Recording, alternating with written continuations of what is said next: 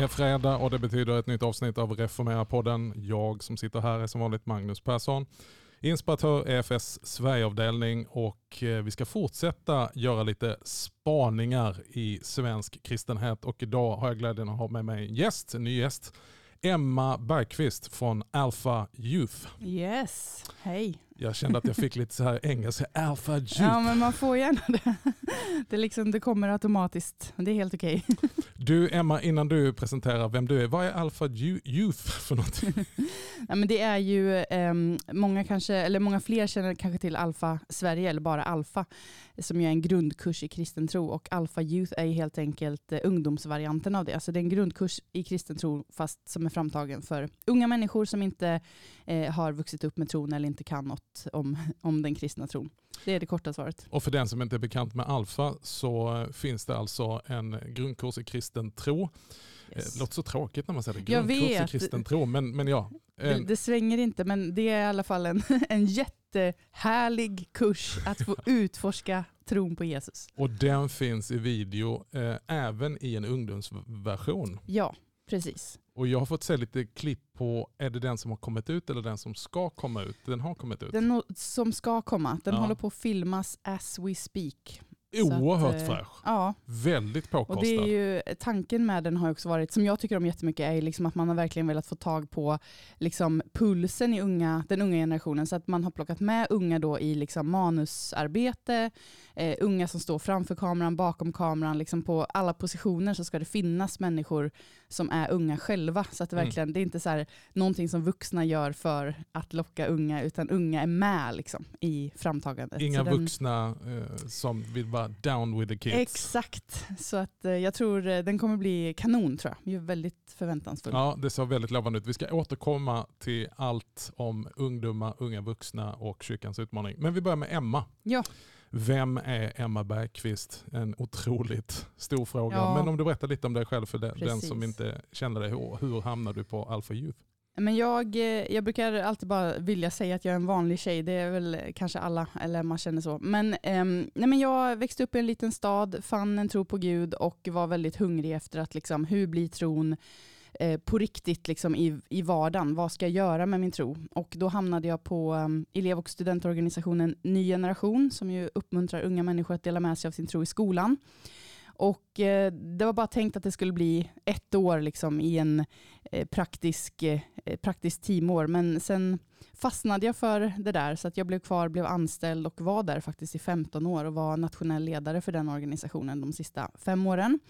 Så att jag känner mig väldigt, eh, om man pratar liksom kallelse och livet och så, så har jag på något sätt fastnat dels för unga människor, men också när man möts över sammanhang och samfund och kyrkogränser och sådär. Så då eh, hamnade jag till slut i Alfas styrelse och på den vägen sen hamnade jag också med Alfa Youth-arbetet.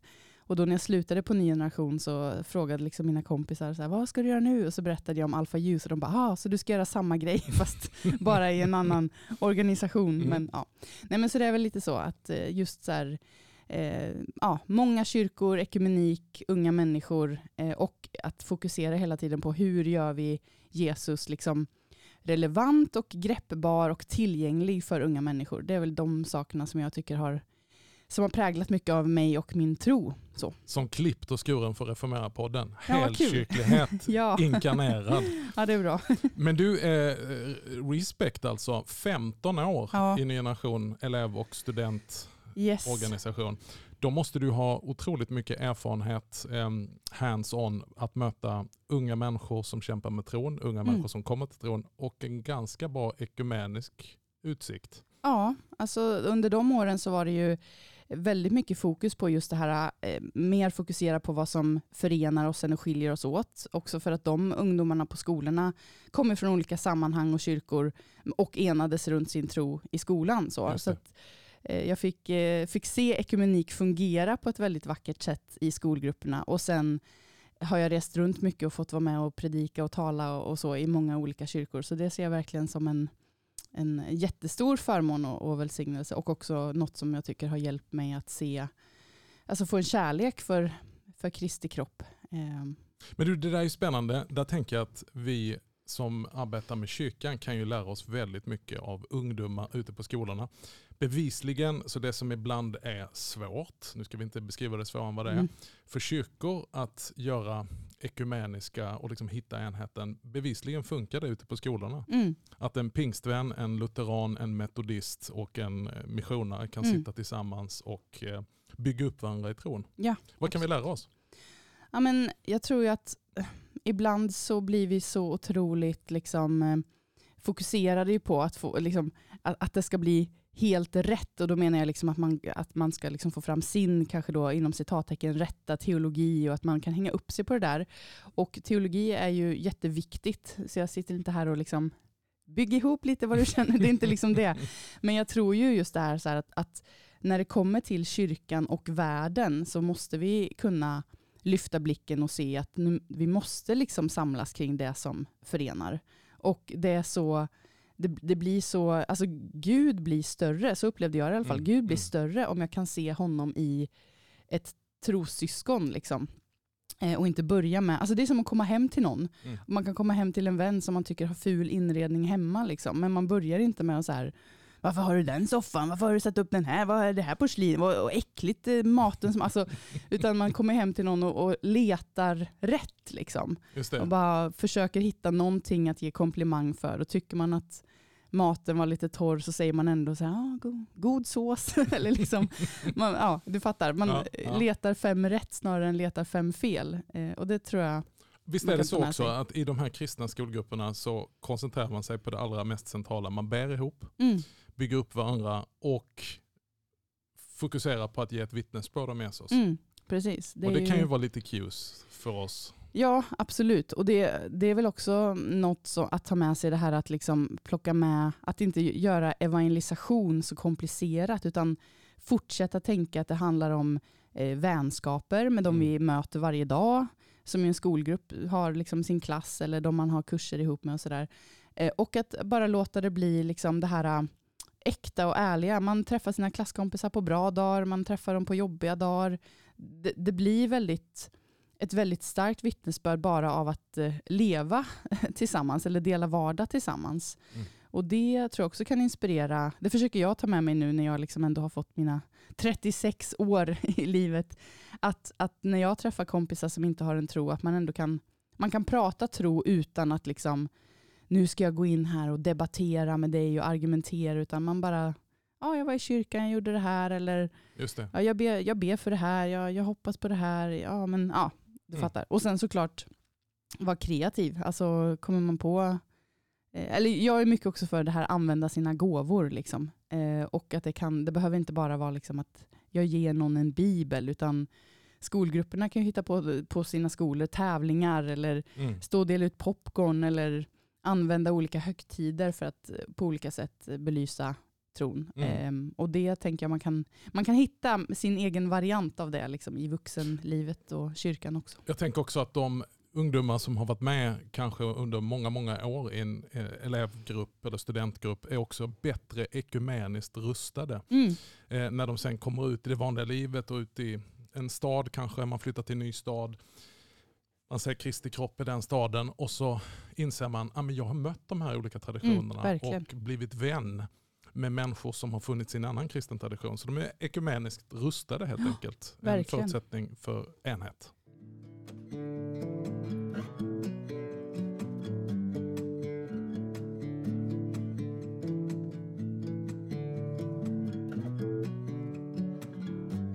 Ja, det är Reformera-podden alltså och jag sitter här med Emma Bergqvist från Alpha Youth och eh, vi har talat lite grann om Emmas bakgrund, 15 år i Nya Nation elev och Yes. studentorganisation. Du är Alfa, när upptäckte du själv Alfa? Ja, men det var, alltså jag och en kompis höll faktiskt eh, Alpha Youth för liksom tio år sedan när det var ganska nytt, eh, i alla fall nytt i Sverige. Eh, och tyckte liksom att det var bra, vi fick se människor komma till tro och, och, eh, och så. Men sen, eh, jag vet inte, jag, det var mycket annat då så att jag tappade bort Alpha lite och sen så blev jag ombedd att, eller tillfrågad om jag var intresserad av att sitta med i styrelsen och då var jag lite så här, ja men du vet, ska jag göra det? Är, det liksom, är jag en styrelseperson Mm. hävdar fortfarande att jag inte är en styrelseperson men Mm. ändå sitter jag med i, i olika styrelser så att man eh, får upptäcka nya saker om sig själv kanske. Men då i alla fall så, så hade jag väl eh, börjat känna att det var dags att eh, kliva av en ny generation. Och som, som Gud ofta gör, i alla fall i mitt liv, så börjar han leda in på en väg och sen upptäcker jag efter ett tag att så här, men jag vandrar ju redan på den här vägen. Så, så att där, när jag satt med i Alfas styrelse så pratade vi och liksom drömde och längtade väldigt mycket efter hur ska vi jobba med Alfa och eh, ungdomar i Sverige. Vi upplevde ju från mycket från London och Alfa International där Alfa liksom springer urifrån att det fanns en puls på något sätt i Alfa Youth-arbetet och de hade kommit liksom en, en längre bit med det här att liksom mer på allvar vilja förstå mekanismerna i generation Z, vad är det som driver dem och, och, och sådär. Och eh, jag upplevde varje gång vi pratade om det att det liksom, hjärtat rusar och eh, eh sådär. Så att jag, mm, i korta drag så sa jag upp mig från ny generation och sa till Alfa att jag, jag gärna jobbar för Alfa Youth även om, om det inte finns en tjänst för det. Så jag och min man vi tog ett litet sånt eh, eh, steg i tro så jag jobbade volontärt några månader för Alfa. Eh, bara för att känna att vi, eller vi vill liksom upptäcka, finns det Mm. någonting här och komma igång och sådär. Eh, och sen fick jag möjlighet att bli anställd så att det mynnade ut i en, en faktisk anställning. Mm. Så, så hamnade jag där.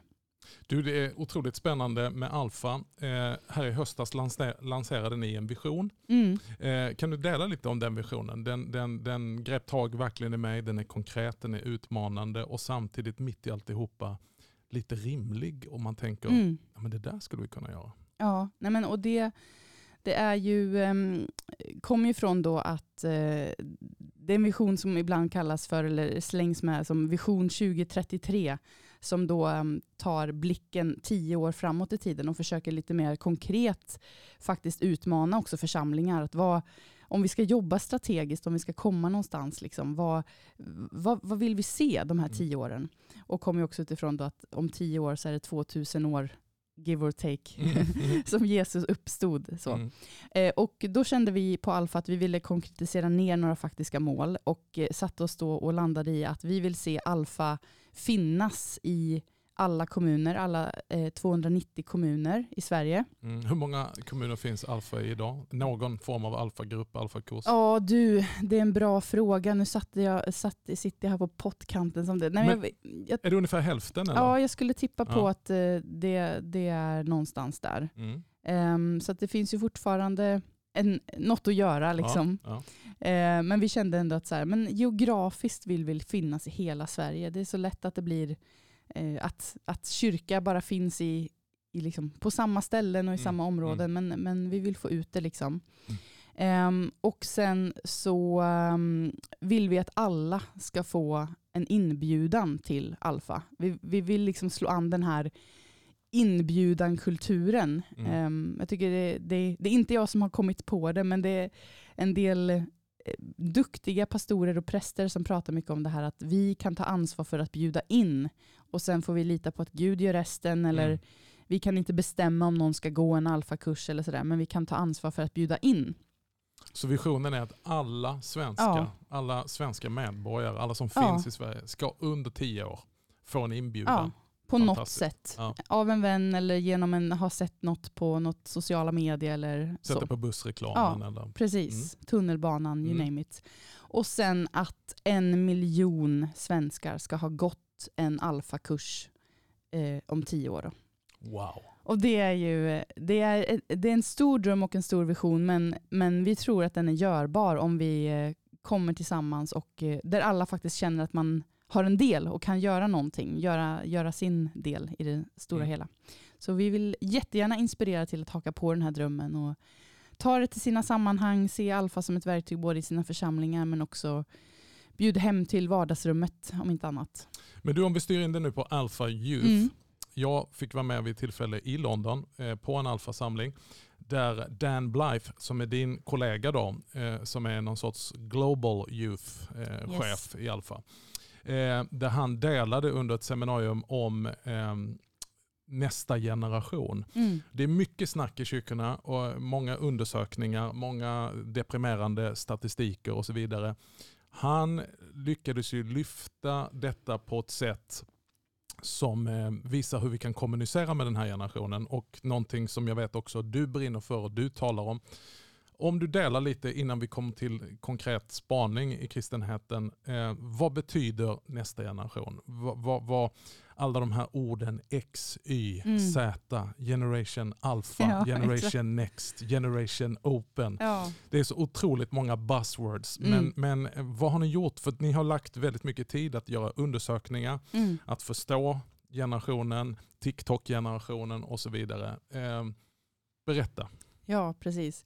Nej, men, jag kände, för mig så började det också i någon form av frustration över att inte kunna greppa de som är unga idag. Alltså för, för att det är så mycket som händer och det är så mycket som, som känns svårt. Eller det var min upplevelse när jag pratade med andra ledare, ungdomsledare, ungdomspastorer, att det var så många som liksom slet sitt hår. Och så här, vad, hur når vi dem? Liksom? Mm. Det är den frågan som alltid dyker upp. Hur når vi nästa generation? Mm. Ehm, så för mig började det ju i också i liksom att så här, ja, men jag, vill, jag vill förstå vad det är som skiljer dem åt eh, mot tidigare generationer. För att å ena sidan så går det såklart att säga att tonåringar har varit tonåringar alltid. Mm. Och självklart finns det saker som, som är allmänmänskliga och så vidare. Men ehm, det, det kom ju fram liksom några grejer i, i de här stora undersökningarna som gjordes som, som talar ganska mycket om deras världsbild. Till exempel att de kallas för screenagers, att de är teenagers fast framför en screen. Liksom.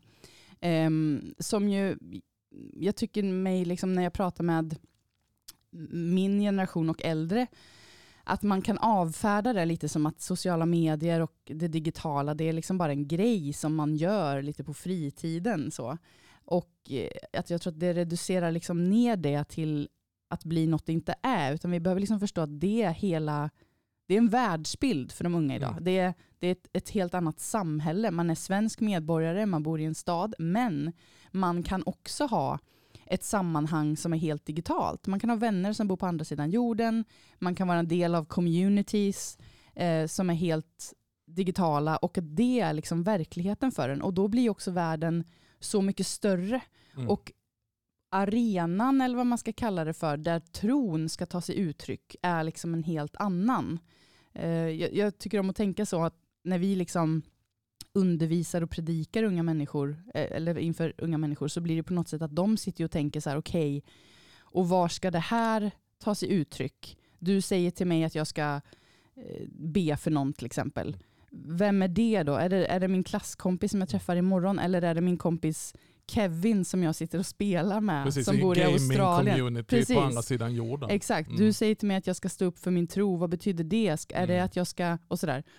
Ehm, så att ehm, ehm, jag tror att vi behöver liksom på något sätt förstå att det har att göra med så mycket mer än bara hu, vad ska vi hitta på? Liksom. Det är inte så här, vad ska vi göra på fredag? Ska vi spela basket eller ska Mm. vi spela spel? utan, utan att det handlar mer om att förstå att de har en annan typ av Mm. världsbild. Liksom. Mm. Sen är det också ett väldigt stort och, och brett svar. Men, men jag tror att det påverkar allt. Det påverkar hur de vill organisera sig. Mm. Eh, De kanske inte vill organisera sig på samma sätt i församling som Mm. vi ville. Mm. Eh, Det kanske inte är naturligt att eh, komma samma tid varje vecka och på en ungdomssamling.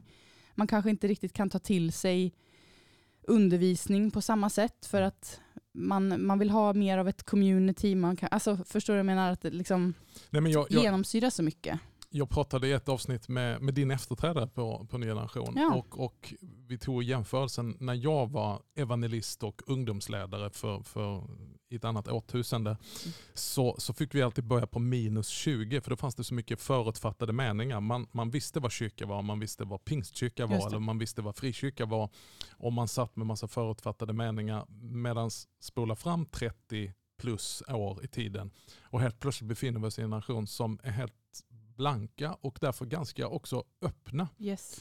Öppna för andlighet. Ehm, Det är precis som att deras värld genom skärmar och genom the global community har blivit större. Mm. Eh, Man är inte jättefyrkantig, man har inte sådär jättemycket fördomar. Det har man kanske på andra områden. Men just när det kommer till religion, tro och andlighet Mm. så fick jag uppfattningen av att idag behöver du inte börja med att först montera ner en förutfattad bild, en fördom, utan det finns som ett blankt blad du kan skriva på. Delar Mm. du den? Ja, verkligen, och det är också, eller du nämnde ju det i början där att de ju bland annat, att man säger ofta the open generation, Mm. att de är väldigt öppna för saker. Och det tror jag ju är en utmaning och en möjlighet, verkligen. Som du säger, att, att det är inte det här eh, att de har fått fel bild, utan de har inte fått någon bild. Ja. Så att vi, kan liksom, vi har den möjligheten att, att verkligen tala tro, Mm. eh, men kanske också vara medvetna om att vi behöver göra det på ett sätt så att, de, så att det blir äkta och på riktigt, för att det finns också så mycket annat som de är öppna för. Mm. Mm. Men, eh, och det, du var också inne på det lite, det här med att deras värde är större. Och jag tror också det märks, och har synts också i de här undersökningarna, att de är så vana vid mångfald. Eh, Man är van vid att man har klasskompisar som kommer från andra länder eller som har andra läggningar eller som eh, vill definiera sig som andra pronomen. Eller Mm. liksom, man, man är så van vid att, att det är olika. Liksom. Och det tror jag också är en möjlighet för att det gör ju heller inte att de blir bortskrämda när de möter olika. Eh, men, men det kan man ju också vara medveten om det här att när de läser bibeltexter så kan de ju också eh, de har ju det synsättet. Så här, Tolk, "Jaha, tolka bibeltexten på ett annat ja, sätt. Ja, Precis. Ja, precis. Och jag, nu i veckan så läste jag en, en, en, en krönika av Fredrik Vinell, om man får namedroppa Mm, här i den här mm. podden. Som jag tyckte han hade skrivit så bra, att de hade, han hade läst en undersökning där, det var liksom, där man hade frågat icke-troende ungdomar att läsa vissa bibeltexter och sen frågat dem liksom, vad tycker du om den här bibeltexten. Mm. Och bland annat liksom, den här eh, berättelsen när Jesus möter den här kvinnan vid brunnen. Och deras takeaway var så här, åh vilken douchebag Jesus var som skulle komma och mansplaina för henne. Hon skulle leva sitt liv. Mm. Och jag tror för någon som har vuxit upp och läser den som att liksom, wow, Jesus, här, Jesus ger en kvinna en ny chans. Liksom. Mm, Eller mm, det här är en berättelse om förlåtelse. mm, S- Så läste de det som att det här var en man som liksom mm. mansplainade mot Mm. en kvinna. Och jag tror, nu behöver man liksom inte hänga upp allt kring det, men det är bara intressant att, att tänka. Liksom, Ja, att, men det är egentligen så kyrkan alltid har jobbat, att det handlar om kontextualisering. mm, Att begripa kulturen, kontexten där Jesus möter kvinnan och begripa vilken kontext och kultur vi befinner oss i. mm, Så att det inte är per automatik att man läser den här texten och tänker wow, visst är det fantastiskt. Utan förstå med vilka glasögon de ser texten. Och det handlar inte om att ändra innebörden utan hjälpa dem att förstå Precis. den, eller hur? exakt, och jag tror också att det är liksom, jag ska inte springa i förväg här och, eh, och spana vidare, men jag tror ju att vi, vi behöver tänka mycket mer, eh, precis så att liksom bearbeta på något sätt det kristna budskapet med unga människor snarare än att bara leverera sanningar och, och, och leverera så här är det. Jag tror att man är mer, um, just, just för att det är så mycket som är så här, du kan bygga upp din egen sanning, så blir unga människor lite svårmottagliga för när någon kommer och säger det här är sanningen, så här är det, take it or leave it. Liksom. Att, det, att det, man behöver liksom komma med det kristna budskapet och, och förklara och sen öppna upp för det här. Och vad tänker du om det här? Och vad, vad rör sig i ditt huvud? Att med det här ledarskapet att ta någon i handen och göra vandringen tillsammans än att stå i en, stå i en talarstol och bara säga hur de ska tro, om man nu Mm. hårdrar det lite. Det är alltså Emma Bergqvist som sitter i studion från Alpha Youth och vi börjar närma oss att hon ska få göra lite spaningar för framtiden. Utmaningar och möjligheter för kristenheten.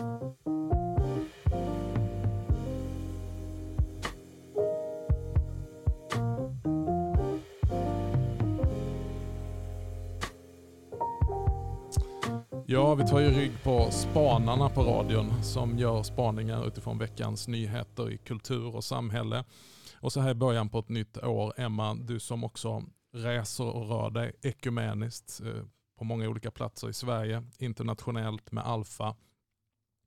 Det är alltid spännande att tänka framåt och tänka ett nytt år. När du tittar ut över kristenheten, de många möten du har haft med kristenheten, vad gör dig bekymrad? Vad, vad, vad, vad, vad finns det för några som bara, det här är en utmaning vi måste jobba med i kristenheten? Om vi börjar där. Jag tror att ehm, eller för det första så, så känns det angeläget att säga att jag inte alls är ute efter liksom att kritisera. Det, ibland så känner jag mig som en sån gnäll, gnälltant. Mm. Nej, men för att det är så lätt att, att hitta utmaningar och kanske hänga upp sig på det. Men, men, men jag tror ibland när jag hör liksom församlingsledare och så resonera just kring den unga generationen att man är fortfarande så fokuserad på detaljer och småsaker som jag sa förut, så här, oh, är det den sporten eller den sporten vi ska spela? Ja, men mm. Nu gillar ju folk lite mer bandy, så då tar vi lite mer det. Eller liksom att, mm. Nu var det kanske ett extremt exempel, men att man, man är, när man pratar om så här, ska vi förändra, vi måste förändra, ja, vi, vi kan byta ut sångerna kanske, vi sätter upp lite lampor. Mm. Det jag tror vi behöver tänka, vi behöver tänka jättemycket nytt och gå tillbaka liksom till eh, oss själva, nu inkluderar jag mig själv i oss äldre då, mm, mm. men att tänka att vi behöver vara flexibla tror jag och tänka att så som vi har vuxit upp i kyrkan och det som är naturligt för oss i kyrkan, vi kanske måste vara flexibla nog att, eh, att lämna det och mm. tänka att det var då. Eh, och det kan handla om att riva ut kyrkbänkar och sätta in kafébord. Mm. Eh, det kan handla om att öppna upp kyrkan för fler saker än bara på fredagskvällar. Att möta människor i liksom vardagen. Um, det var liksom, som sagt, utan att hänga, hänga ut personer. Men ibland kan jag höra liksom från kyrkledare att man är så ängslig kring att det kommer in tonåringar som är fulla på fredagar eller man är ängslig över att ah, det är så många som är deprimerade och det, och det är så många som tittar på porr. Och, det, mm. alltså, och, och, och att, att indirekt att de säger liksom att vi har lite svårt att hantera det i mm. kyrkan. Och när jag vill liksom säga att så här, men det är ju ett, det är självklart att kyrkan ska vara en plats för just dem. Så mm. Det är bättre att någon som är, tittar på porr och är full och deprimerad finns i kyrkan mm. en fredagkväll än mm. någon annanstans. Mm. Och, och, Det spelar ingen roll om den inte lyssnar på andakten, men alltså att skapa det här rummet där folk bara får komma och tillhöra. Um, det tror jag liksom att vi behöver ja, vi behöver reformera oss själva. Eh. Har det att göra med att vi, vi, ehm, ibland så kan man ju tänka att kyrkan har jobbat så mycket att var, liksom tillämpa sig själv till sin omvärld som man nästan tappat eh, vem man själv är. Men menar du fortfarande att kyrkan ändå känns som att de är hopplöst långt borta ifrån att kunna hantera de här problemen eller vad vi nu ska kalla det som finns? Ja, alltså på ett generellt plan mm. ja. Sen mm. finns det säkert församlingar som gör det där jättebra. Men, mm. men det är som att jag ser så här, vi, vi ber om att folk bara ska ramla in i våra kyrkor liksom, och vi ber mm. om väckelse. Och, och när den här filmen kom eh, nyligen, eh, Jesus Revolution, vad heter den? Ja. ja. Så, så var ju också liksom en takeaway det här att tänk om det händer igen, att kyrkan inte kan hantera alla de här oklippta hippisarna mm. som ramlar in. Liksom. Mm. Och det är som att jag sitter och tänker så här, ja men det händer ju fortfarande för att det. när det kommer människor som är spretiga mm. och som inte riktigt kan, inom citattecken, bete sig, de kan mm. inte de kyrkliga koderna, mm. de kan inte jargongen och så vidare, så, så blir det ändå lite ängsligt. Liksom. Eh, och det kan vara bara jag, men, men jag tror att, att det finns de som känner igen sig. Liksom. Eller så är det tyvärr en röd tråd som har följt kyrkan. Ja. Jag tänker från fariseerna som inte ens kunde acceptera Jesus själv. Exakt. Och hans lärjungar, de har ju ständig kritik. Varför fastar inte dina lärjungar? Mm. Varför ligger ni till bords i syndares hus? Varför mm. går ni på party? Varför gör ni det?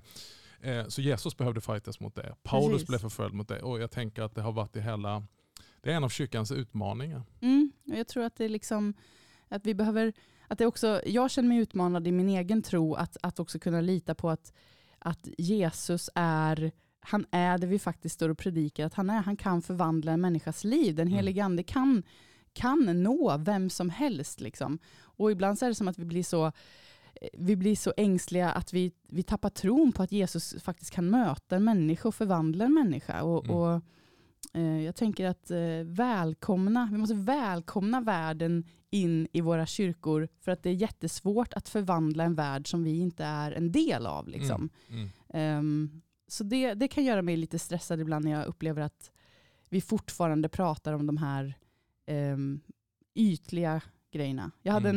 en, en kompis som gick en alfakurs nu nyligen. Som, eh, hon var del av kyrkan när hon var yngre, men sen ramlade ifrån kyrkan och nu ville gå en alfakurs, vilket ju var jättekul. Mm. Och eh, hennes liksom fråga till mig när hon skulle börja gå kursen var så här, men kan jag vara kristen för jag snusar ju. Mm. Och jag tyckte att det var jag tyckte att det var liksom så det var smärt, en smärtsam fråga för den var så talande om då, Mm. så här, vad, vad var det hon fick med sig när hon gick i kyrkan som tonåring? Mm. Jo, det var att det var viktigt då att typ inte Snusa. Ja. och, och för mig så är det så här, jag, jag kan inte tänka mig att Jesus överhuvudtaget kommer fråga henne det Mm. på domens dag. Nej. Om hon har med snuset. Mm. Nej men du fattar. Får man ta snuset med sig? Exakt, får man ta med sig snuset. Och, så jag tycker liksom att det är, ja. Mm. Kan, du, kan du säga så här att eh, vad som kan bekymra mig utifrån mitt helkyrklighetstänk det är att vi så gärna tänker antingen eller istället för både och. Ja.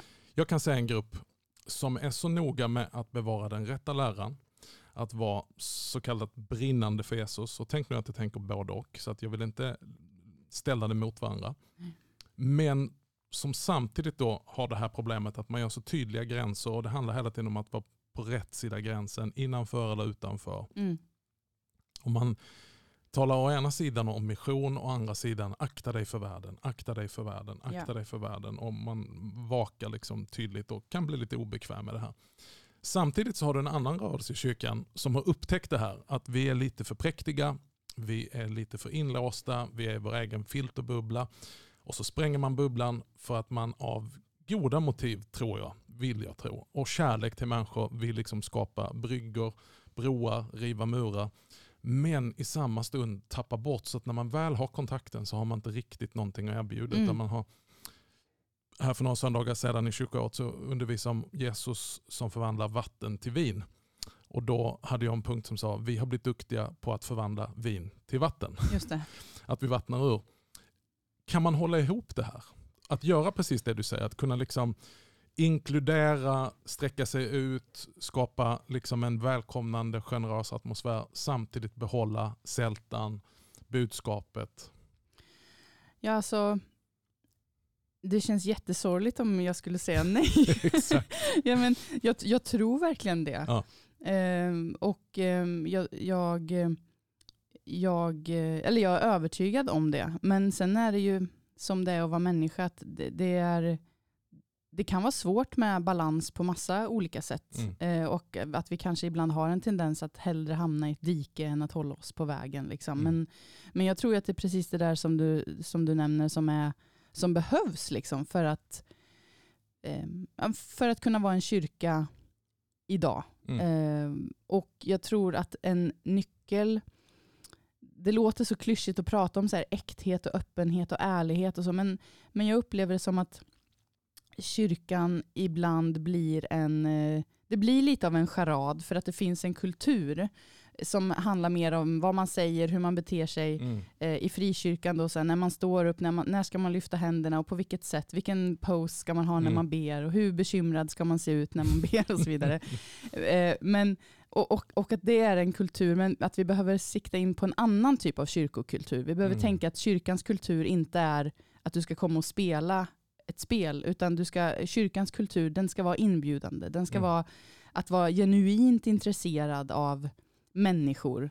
Att vilja lära känna andra människor. Att, vara, eh, att inse att livet inte är alltid svartvitt utan flerfärgat. Mm. Och liksom bara att få, få, få dela livet med varandra och dela tron med varandra. Och jag, jag, jag hoppas och tror att liksom det är då man kan få, få till de där samtalen som kan leda någon till tro. Mm. Men också liksom få till det här så att kunna korrigera varandra. Att, Mm. att utmana varandra. Att eh, växa i tro tillsammans. Att, eh, eller som du sa, behålla sältan. Liksom. Mm. Nej, Men jag tänker ju för mig själv att de här världarna förenas när vi förstår att evangelium, det är inte för någon annan. Det är för mig. Mm. Och att jag kommer i kontakt också med min egen söndrighet, min egen skevhet och att jag slipper spela charad Ja. för att duga för kyrkan eller för Gud. Och då blir ju evangelium, det blir inte något vi och dem, utan vi blir ett enda stort vi och han. Just det, Eh, precis. Att vi sitter alla i samma båt. Så att evangelisation och mission handlar inte bara om att jag har funnit någonting som du också behöver Utan jag är lika mycket adressaten för Mm. evangelium. Och jag är också söndrig och jag är också förvirrad och jag är också en hycklare. Jag säger en sak, jag gör någonting annat. Det är Mm. därför jag behöver Jesus. Exakt. Jag har inte blivit mottagen av Jesus för att mina ord och mina handlingar, de är helt eh, absolut. Vi strävar efter dygder, vi strävar efter helgelse, vi strävar efter, men människa först, kristen sedan, som Mm. en gammal teolog från Danmark sa. Eh, och jag tänker att där någonstans tror jag att vi kopplar också med den generationen som värdesätter transparens, som värdesätter det slitna ordet, men vi vet vad de menar med äkthet, Mm. ärlighet, what you see is what you get. Mm. Och vi har på något sätt fortfarande eh, lever i den här lögnen att ja, men om vi verkligen skulle visa hur vi är, Mm. då, då vågar ju ingen tro på det här. Exakt. Men jag tänker att det är tvärtom. Verkligen. Och jag tror det, det är ett av mina liksom finaste samtal som jag någonsin har haft med en vän som inte delar min tro. När liksom hon, hon hade jättemycket dödsångest och liksom var orolig för döden. Och jag var också en, en period när jag tyckte det var, du vet, känslan när alla dog runt Mm. omkring Ja, du är gammal nu, du är 36. Ja, exakt. Nej, förlåt. Nej, men, och, och att vi liksom, att även om jag har ett hopp på himlen och, och tro på livet efter detta och så vidare, så kunde vi ändå sitta och få liksom dela att så här, ja, det är allmänmänskligt att Mm. ibland vara orolig för det här eller känna ångest för det här. Och att hon, ehm, att hon sa efteråt att liksom min tro blev mycket mer på riktigt Mm. när hon också såg att det var inte att jag bara levererade du vet, ett bibelord som jag kunde Mm. utan till och så här, utan eh, som du säger, så här, jag tror det, det kan vara farligt att prata vi och dem och Mm. skapa den här, eh, eh, vad heter det, glappet Ja, liksom, ja. emellan. För att det, det, det är ju inte så. Och jag tror också när det kommer till unga människor att, att om vi som står och undervisar och, och predikar pratar så mycket om så här, de där ute i världen, de är så deppiga och ledsna för de Mm. inte har Jesus. Mm. Och så vet vi att så här, men de verkar ju jätteglada. Mm. Och, Och den stora frågan som kommer, varför är vi så deppiga och ledsna? exakt, varför är vi så deppiga? Om vi nu har Jesus. Precis, och det, och det kan ju också skapa en, ett tvivel för en ung människa i, sin tro. Om vi säger att liksom, om du har ju Jesus, att du, du kan vara glad för du... Sådär.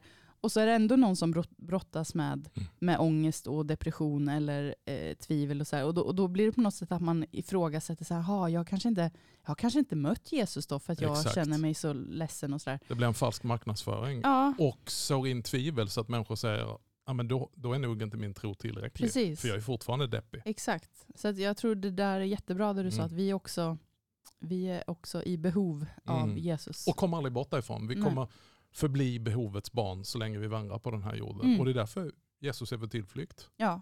och det är så skönt att, tycker jag personligen, det är en av mina såna bästa insikter i tron när jag nu har blivit äldre. att, att det är så skönt att få släppa det och säga Mm. att jag är ingen perfekt människa, jag är inte en perfekt kristen om de nu finns. Mm. Eh, utan jag är, jag är eh, i allra högsta grad i behov av en frälsare. Mm. Eh, det är skönt. Och samtidigt har det knappast gjort dig mindre engagerad och Nej. brinnande för att sprida evangeliet. Exakt. Och det är också det här missförståndet som jag kan tänka finns runt de här stora orden dekonstruktion och att man ger upp sin tro och så tänker man åh det där är farligt, man måste Mm. bevaras i sin barnatro. Nej, tron måste växa, Ja. möta livet och se att det faktiskt håller. Och att vissa saker ibland får gå i kras, det är Mm. det bästa som kan hända. Mm. Vi jobbar ju i en bransch där vår mästare han börjar med att död leder till liv. Ja. Så att när någonting dör och går i sönder. Ibland tänker jag att vi tittar alldeles för högt. Man tittar högt, högt, högt och tänker att man ska få syn på Gud. Och säger men jag ser inte Gud. Nej det är för du tittar för högt. Du Mm. måste sänka blicken. Gud finns i det låga. Ja. Vi tror på inkarnationen, vi har precis firat jul. Gud är en Gud som kommer till oss i ett hjälplöst barn i en krubba på marken bland härdar. Mm. Han kommer till oss bland spetälska, skit och synd och skuld och skam. Det är där han uppenbarar sig. Vi har en frälsare som har mött världen naken, korsfäst i en törnekrona. Mm. Så vi måste sänka blicken och då får vi syn på Gud. Ja, jättebra. Nej, men jag tror också det här, um, Nicky Gumbel pratade om det, han som startade Alfa, ehm, att det som är levande och fräscht, det förändras hela tiden. Och det vi vill behålla fräscht och levande måste vi vara okej med att det förändras hela tiden. Och för mig är det också en sån där eh, lärdom som jag, jag, jag tror att det är så sant, både om våra församlingar men också i vår egen tro, att vill jag fortsätta växa med Jesus, vill jag bli starkare i min tro, vill jag komma vidare och upptäcka mer, så måste jag också vara okej okay med att utmana eh, tankar jag har tänkt tidigare, kunna lyssna in andra perspektiv. Alltså, jag tror att det har att göra, det, det hänger ihop. Mm, Liksom. mm, Att, så här, det, det, jag hade, man hade kunnat vara en jätteklyschig kristen mm. och bara langa fram härliga klyschor hela livet. Men, men eh, livet händer och jag tror att det, det är så det ska vara. Att vi, Och tron mognar Ja, i takt med verkligen. livet. Eh, Det är en del av trons vandring. Du, det här är så superintressant Emma och tiden bara springer iväg. Men du om vi ska sluta på en, eh, det här är ju positivt det här också för alla som lyssnar på det tror jag känner igen detta och blir utmanande. Men om du ska fokusera, spana ut i kristenheten och säga jag ser positiva tecken. mm. Både i kyrkan, utanför kyrkan, för Guds rikes utbredning. Vad säger du? Ja, men dels så tycker jag ju att det är otroligt positivt att många som jobbar med unga ställer sig frågan hur når vi dem? Alltså Mm. att det finns en stor längtan att nå den unga generationen och eh, jag upplever det som att det är något stort det är liksom, finns ett stort hjärta som, som bara bankar hårdare och hårdare och hårdare för unga människor. Jag tror att det kommer leda till att vi får se många, eh, många goda initiativ på massa olika sätt. Ehm, så det ser jag som positivt. Och sen som vi var inne på tidigare så i den unga generationen så finns också något otroligt, eh, eh, den här öppenheten tror jag kommer, ehm, Gud kommer möta den Mm. och vi kommer få vara en del av det. Och eh, eh, jag ser det som en stor, stor möjlighet att vi, har, att vi är i det här läget med unga människor som vill hitta fram eh, och om vi bara kan hjälpa med överbryggningen, eller vad man ska kalla det för, Mm. in i ordet och in i kyrkan så, så um, tror jag kyrkorna kommer växa. Mm. Du, nu när jag sitter med en expert på ungdomar, nej jag bara skojar, men, men du, du har ändå en, en erfarenhet och en insikt. Eh, när jag har talat med, med de som är i ålder med mina egna yngsta barn och eh, tillhör den här nya generationen så har jag förstått att vi kan hålla på och pilla med våra gudstjänster hur mycket vi vill, men de, det är inte det att inte gudstjänsten är viktig, det är ett centrum för, för den kristna tron, vi behöver fira gudstjänst. Men de lyfter väldigt mycket gemenskapstanken. Alltså relationer är viktigt för dem. Mm. Nej men verkligen så. Och jag tror att det är att det på något sätt blir viktigare och viktigare som ett komplement till undervisning. Att man inte är intresserad av att veta vad säger Bibeln, om Mm. jag ska hårdra det.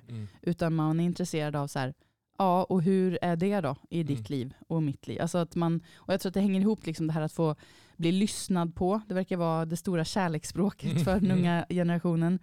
Att bara få, få sitta ner med någon eh, kanske äldre eller jämnårig, eller liksom, men, men församlingsmedlem kanske. Då, och och få, få dela tankar, få lyssna in eh, och få känna att man liksom har en, en röst. Man, man har ett sammanhang där man får tillhöra eh, oavsett vad man kämpar med och oavsett om man kanske har kommit till tro och eh, var man står. Men den här tillhörighetskänslan tror jag är jätteviktig. Och det är också en utmaning det här att, att, att vilka som får plats i kyrkan.